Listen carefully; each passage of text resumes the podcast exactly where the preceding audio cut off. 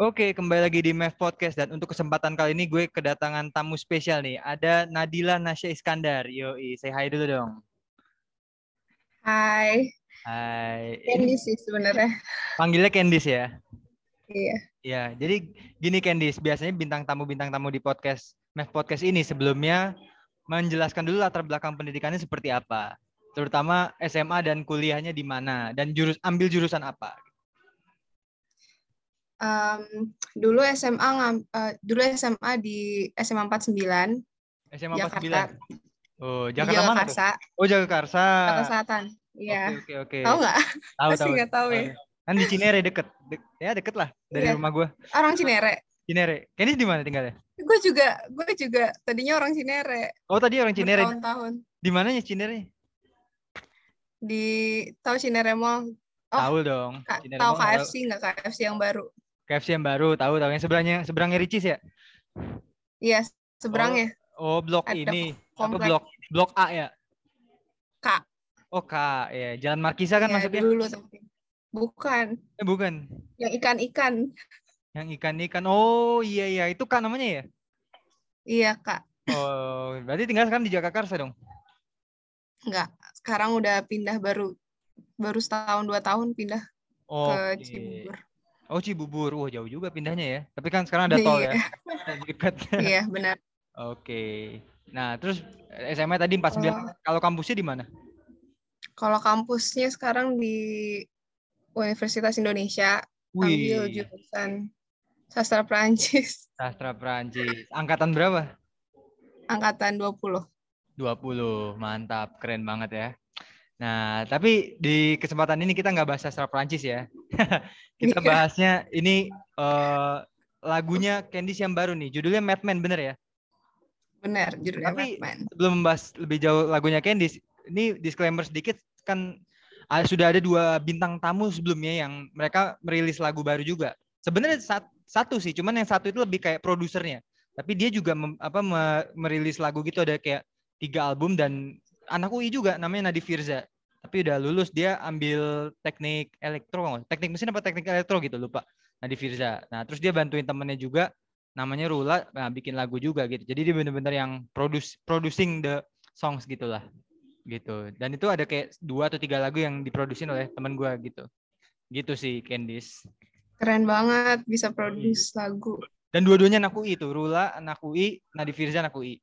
Keren. Berarti ini yang musisi-musisi anak UI nih. Yoi, mungkin karena apa kampus itu ya jazz itu ya jazz goes to kampus ya Enggak ngaruh juga ya? dong. nggak ngaruh ya nah oke Iya. nah sebelum lebih jauh nih membahas lagunya Candice kenapa memilih membuat lagu gitu dari sekian banyak opsi kan ada opsi bikin konten creator ada opsi bikin podcast kenapa lagu Karena lagu itu sama kayak seni-seni lain sih, kayak Oke. seni menulis lain kayak puisi atau buat Oke. cerita.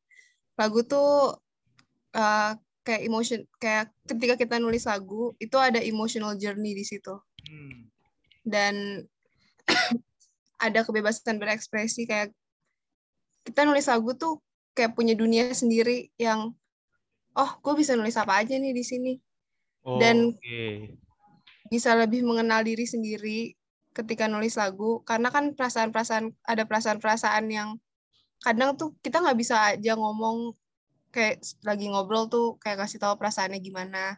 Kayak cuman kita doang yang tahu dan ketika kita nulis lagu tuh kita discover perasaan itu dan bisa sharing ke orang-orang lain dan itu pengalaman yang nggak bisa didapetin menurut gua kayak di hal-hal yang lain gitu Oke, berarti kan tadi Candice ininya apa mengutamakan kebebasan dalam berlagu ya.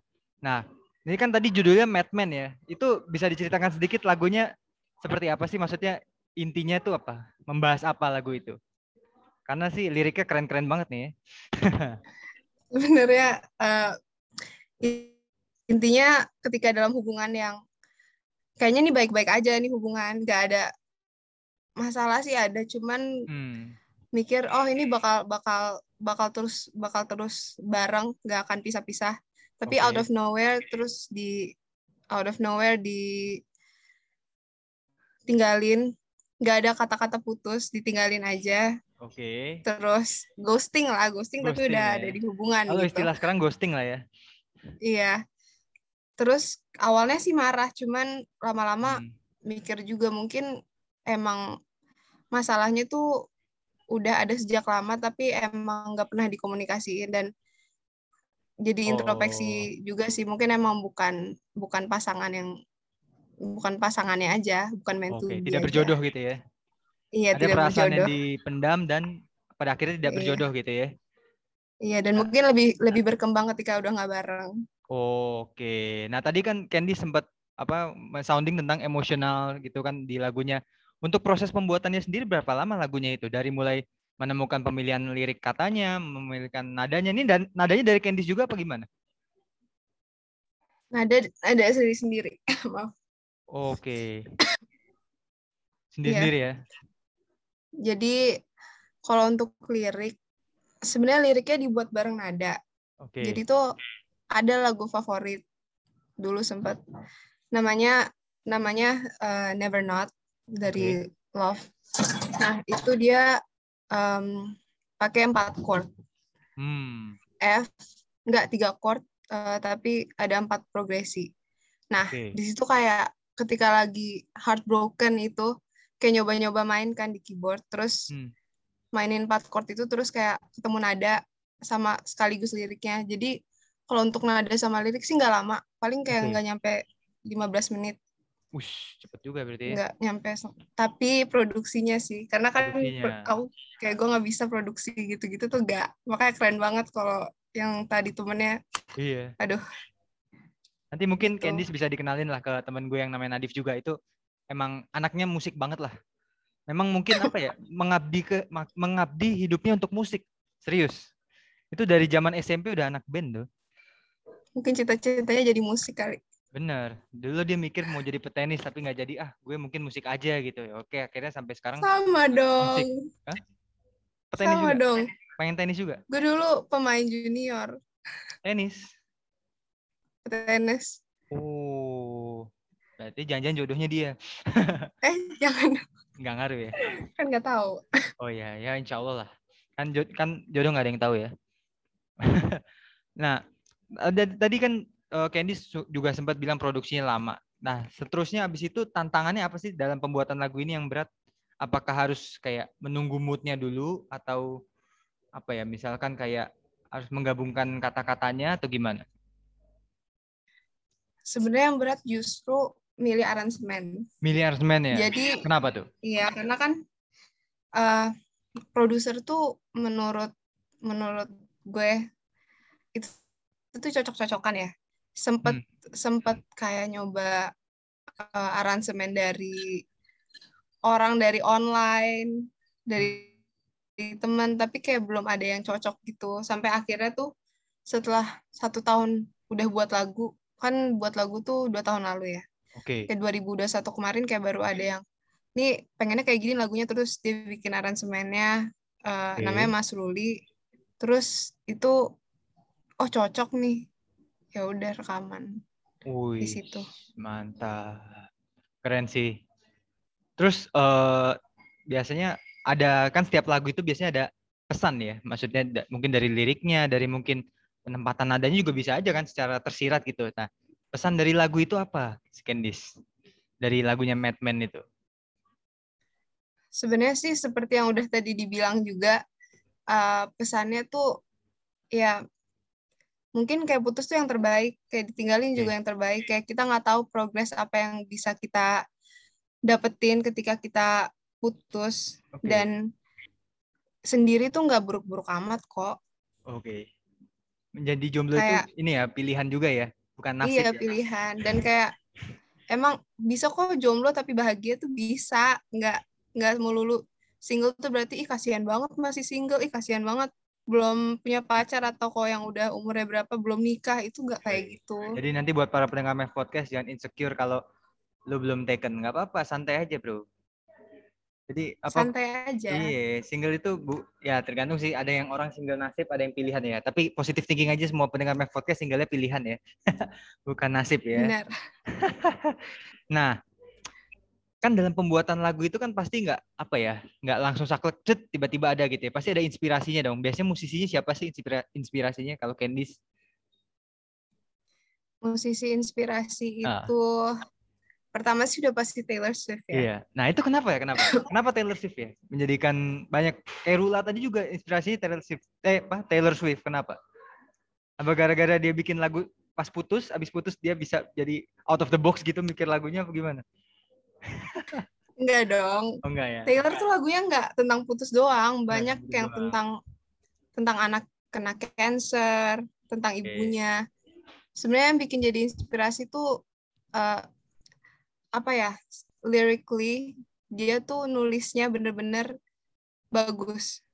Oh, Kayak pemilihan katanya, terus metafora-metaforanya, kiasannya. ya? semuanya sampai iya kiasannya secara semantik sema- semantis kayak Oke, itu bagus bagus banget tulisan-tulisannya dan oke. itu jadi inspirasi mungkin buat Swifty Swifty di luar sana juga kayak dan Swifty rata-rata nulisnya bagus-bagus loh Yoi. entah puisi atau entah lagu tuh bagus-bagus Pemilihan kata-katanya bagus-bagus ya. berarti ya bukan berarti gua gua bagus gitu ya tapi maksudnya kayak ngelihat Swifty Swifty di luar sana Oke. Itu kan kalau Taylor Swift luar negeri. Kalau dalam negeri ada nggak inspirasinya? Nggak ada ya? ada sih Ada siapa? em, secara ini ya, secara kayak performance-nya, terus kayak cintanya ke musik itu Oke. kemarin sempat bawain juga itu Yura, Yura Yunita. Oh Yura Junita. Entah kenapa suka banget Iya. Menurut Mbak Yura. menurut gua tuh Yura Yunita ini ya salah satu penyanyi yang paling underrated loh di Indonesia saat ini. Seriously. Kalau yang perempuan tuh salah satu yang paling underrated kalau menurut gua ya. Yura karena lagunya bener-bener murni enak-enak juga dan pemilihan liriknya juga keren-keren gitu.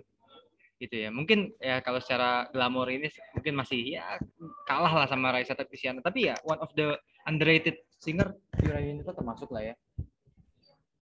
Iya dan dan ketika ketika Yura perform itu tuh bener-bener kelihatan banget cintanya ke musik sama ngajak penonton untuk. Ayo ini eh, ayo kita have fun bareng nih itu tuh kelihatan. Jadi itu sih jadi inspirasi kalau dari dalam negeri ya. Betul. Karena gini Candice, kalau dari pandangan gua musisi itu ada dua tingkatan. Yang dia penyanyi sama yang diva. Nah, yang diva ini kastanya lebih tinggi nih. Maksudnya kenapa kastanya lebih tinggi? Contoh paling pembeda antara penyanyi biasa dengan diva itu adalah saat dia tampil manggung. Jadi kalau dia tampil manggung menyanyi, penontonnya serasa diajak untuk menyanyi. Dia mengajak penonton yang nge-grab penonton ya. Itu udah bisa dikatakan hampir dipastikan dia ya belum diva-diva banget tapi arahnya udah ke sana. Tapi kalau kayak penyanyi kayak kita cuma nonton dia nyanyi nah itu ya menurut gue belum belum not the top of the level lah kalau menurut gue ya mau cowok mau cewek gitu ya cewek lah diva kan cewek ya kayak gitu sih kalau dari pandangan gue gitu kalau dari pandangan lu gimana Iya. kan karena gini aja tuh honest ya ada eh, beberapa penyanyi yang ternama gitu ya. Kita nggak usah sebut nama ya. Gue udah pernah satu dua kali dia tampil dan gue merasa walaupun dia punya nama dan sangat populer namanya tapi dia tidak bisa dikatakan diva karena gue merasa bahwa dia kayak nyanyi sendiri kita ny- kayak nyanyi sendiri gitu. Ngerti kan? Nah sementara kayak diva nih kalau menurut gue ya yang penyanyi yang bagus itu kayak Krisdayanti ya menurut gue ya, ini mungkin generasi yang sebelum gue tahu nih. Krisdayanti Ruth Sahanaya sama Titi DJ yang bikin apa tiga diva itu ya. Itu itu menurut gue best three diva penyanyi cewek saat ini tuh tiga orang itu. Titi DJ Krisdayanti sama siapa tadi? Ruth Sahanaya. Nah, mungkin kalau penyanyi yang generasi lebih muda mungkin satu dua yang kayak, kayak tadi Candice bilang Yura Yunita bisa jadi arahnya udah ke diva. Tapi gue masih melihat mereka belum naik gitu levelnya. Gitu. Kalau dari pandangan Candice gimana? Sebenarnya eh, kenapa penyanyi dulu lebih lebih bisa ngajak penonton sih karena kan dulu itu sebenarnya bermusik tuh susah. Ketika kita bermusik itu tuh kita harus benar-benar emang cinta sama musiknya. betul Dan cara ngebedain yang diva dan yang penyanyi biasa itu Iya. itu gimana rasa cinta dia ke musik itu. ah oke betul juga dan dan diva itu ketika dia di panggung aura aura auranya tuh bisa kelihatan makanya Iya. makanya kita kayak oh nyanyi bareng nih oh kayak kayak um, jadi jadi terbawa sama suasana Ah, karena betul. ya karena ya kelihatan dia tuh mu- bermusik tuh enjoy Betul. dan karena cintanya padahal sebenarnya um, waktu itu bermusik juga kayak emang susah kan cuman kayak selain eh, selain kerja keras tuh dibutuhin itu cinta sama musiknya dan kalau sekarang kalau dilihat tuh kayak banyak yang bermusik tapi kayak cuman em, kayak targetnya uang atau enggak targetnya kayak pamor itu tuh jadi yang bikin ketika dia terkenal tapi ketika dia nyanyi kita nggak merasa terajak karena Nah, itu. kita nggak melihat itu, aura itu. terajak. Kalau diva itu penontonnya, wah gue diajak nih nyanyi nih. Karena ada ya tadi yang gue bilang penyanyi kayak dia nyanyi sendiri, kita ny- kayak nyanyi sendiri gitu. Kayak kayak merasa ada apa gap ya, merasa ada kayak ada dinding gitu ya, yang nggak terlihat gitu ya. Nah itu mungkin yang membedakan diva dengan penyanyi. Gitu. Mungkin Iya. pandangan Candy juga tadi bener ya, auranya yang terpancar gitu ya. Karena itu apa ya kayak itu nggak bisa bukan ilmu yang diajarkan di sekolah gitu loh. Itu kayak lo harus praktek gitu. Bener ya. Dan praktek Uh, dan yang Candice bilang tadi penyanyi zaman dulu juga karena medianya belum se easier apa easier sekarang ya. Jadi ya zaman dulu itu yang namanya pertarungan itu benar-benar gede banget. Kayak contoh lah paling Iya. simpel Dewa 19 lah dari Surabaya ke Jakarta. Dulu apa ya transportasinya mungkin pesawat juga mahal paling ya kereta atau enggak bus ya. Iya kalau mungkin kalau sekarang bisa produksi segala macam mungkin recordnya bahkan bisa offline bisa online gitu kan. Kalau zaman dulu kan nggak ada zoom zoom begini. Heeh, kan? Nggak ada zoom zoom begini. Iya benar-benar. Dulu paling 2000-an awal apa? Ya Yahoo Messenger iya. Skype aja baru muncul 2000 berapa ya? Iya. Udah. Iya inget banget. YouTube tuh baru terkenal waktu SD 2005 kalau waktu gue SD iya kayak itu udah ya ampun. Itu penyanyi-penyanyi dulu udah udah terkenal. Iya.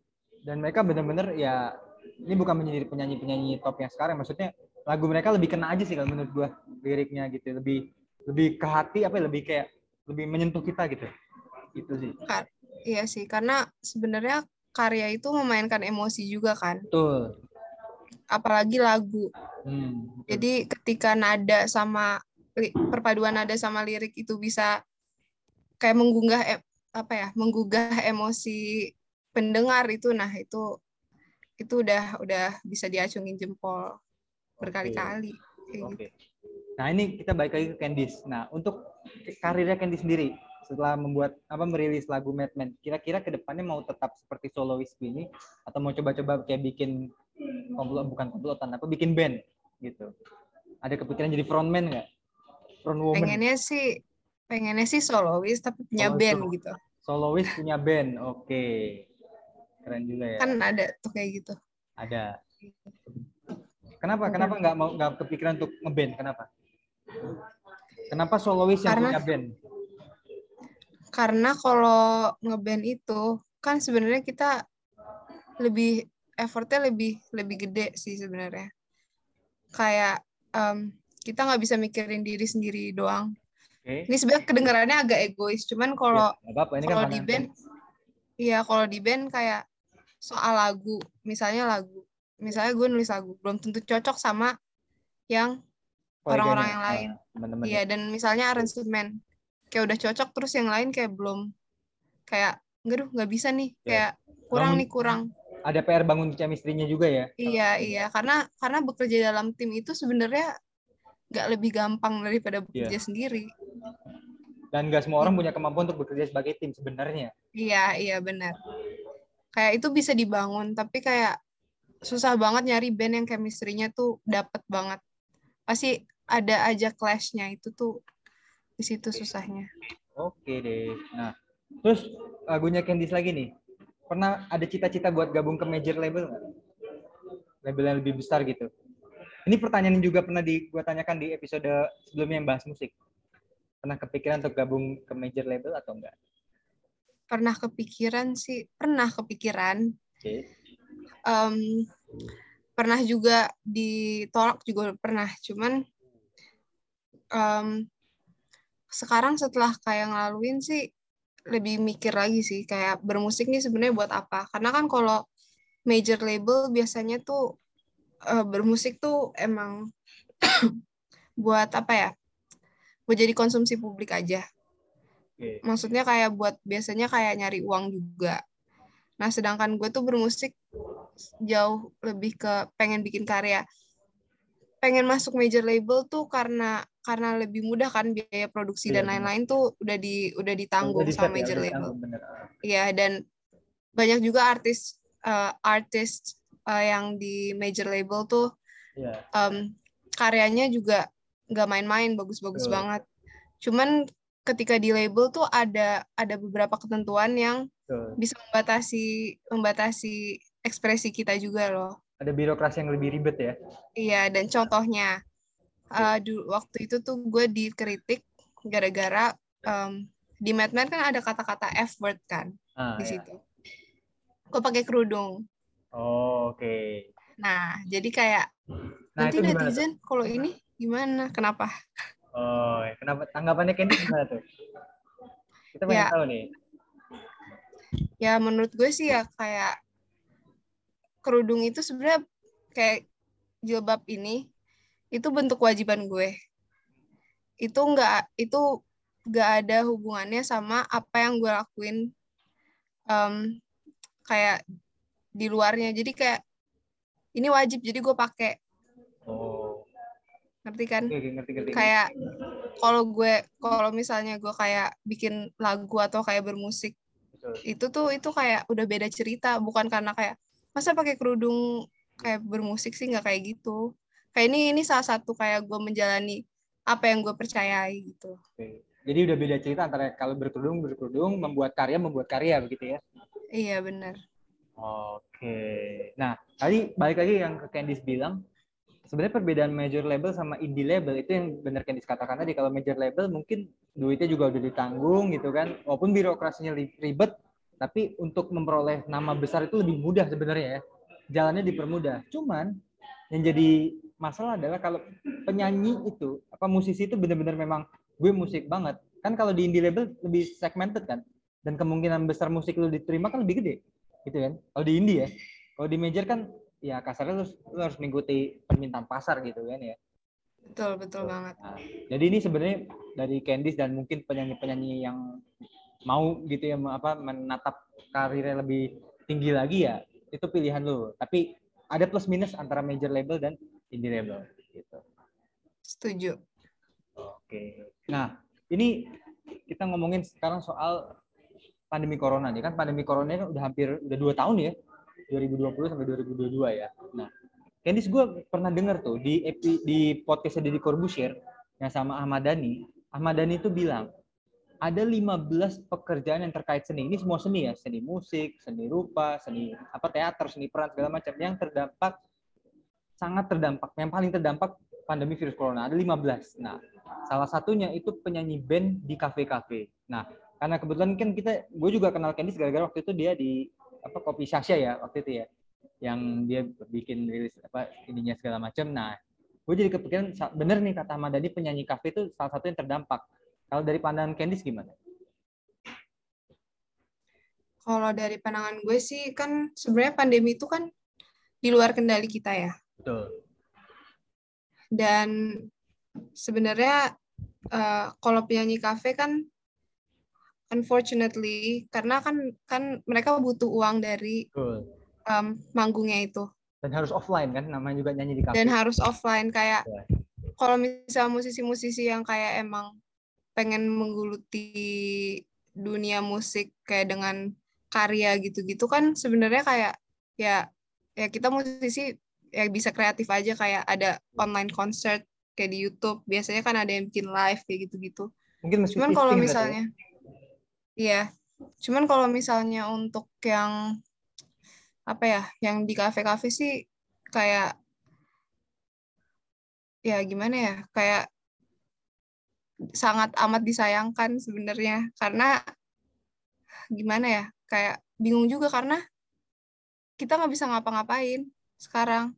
Dan menurut gue tuh kayak itu juga butuh um, ada apa ya, ada kontribusi dari um, dari orang-orang sekitar juga kayak dari masyarakat sekitar kayak misalnya um, ngundang ke acara-acara kayak banyak kok acara online yang ngundang apa namanya ngundang musisi-musisi yang kayak gitu. Cuman emang emang nggak semuanya ke reach out kan. Karena kan kayak banyak yang kayak belum diketahui sama masyarakat tuh penyanyi-penyanyi yang di kafe. Tapi ya dari pandangan gue sih gimana ya um, gue sih cuman kayak karena gue tahu nih gue kayak nggak bisa apa-apa.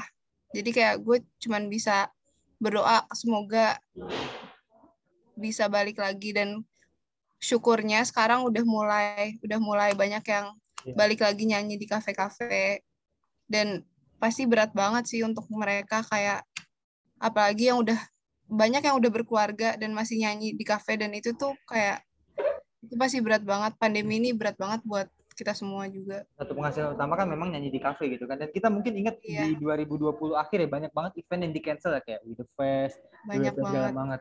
Banyak ya, segala macam. Bahkan yang event yang online pun yang sebenarnya juga effortnya ada gitu kan malah ada yang digratisin justru kan nontonnya cuman iya. modal kuota doang itu ya sangat bukan apa ya mengenaskan gitu ya untuk para musisi sebenarnya gitu ya. Iya sih.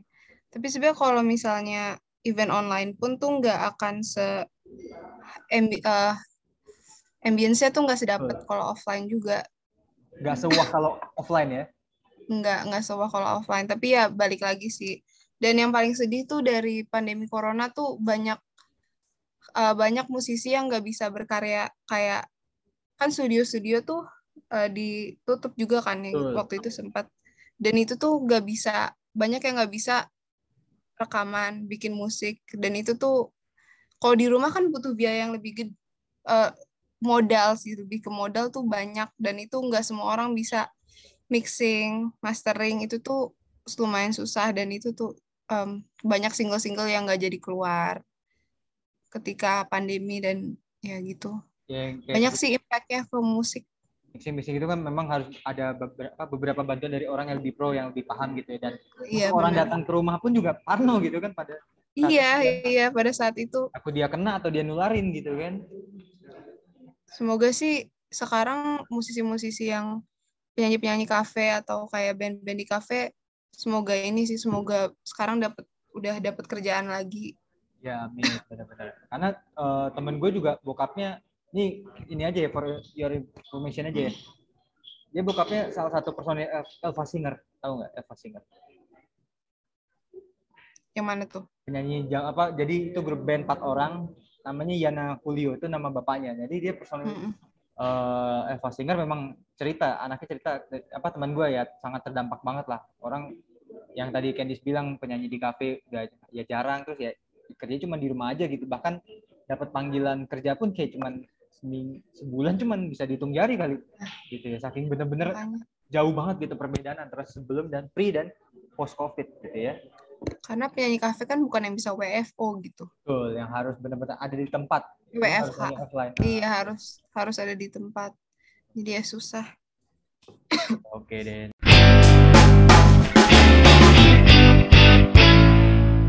Nah, ini Candice biasanya sebelum ditutup nih podcastnya biasanya ada promo sosial media sekaligus nanti Candice ini ya apa bilang aja uh, lagunya bisa didengarkan di platform mana aja gitu ya. Nah, tapi kita ini dulu platform apa promo sosial media dulu. Instagram sama LinkedIn-nya Candice apa? Um, kalau Instagram itu Candice Nasya, tapi tulisannya kan biasa orang tuh ngiranya pakai C, pakai oh, iya. tapi enggak. Ini ini Indonesia banget kok.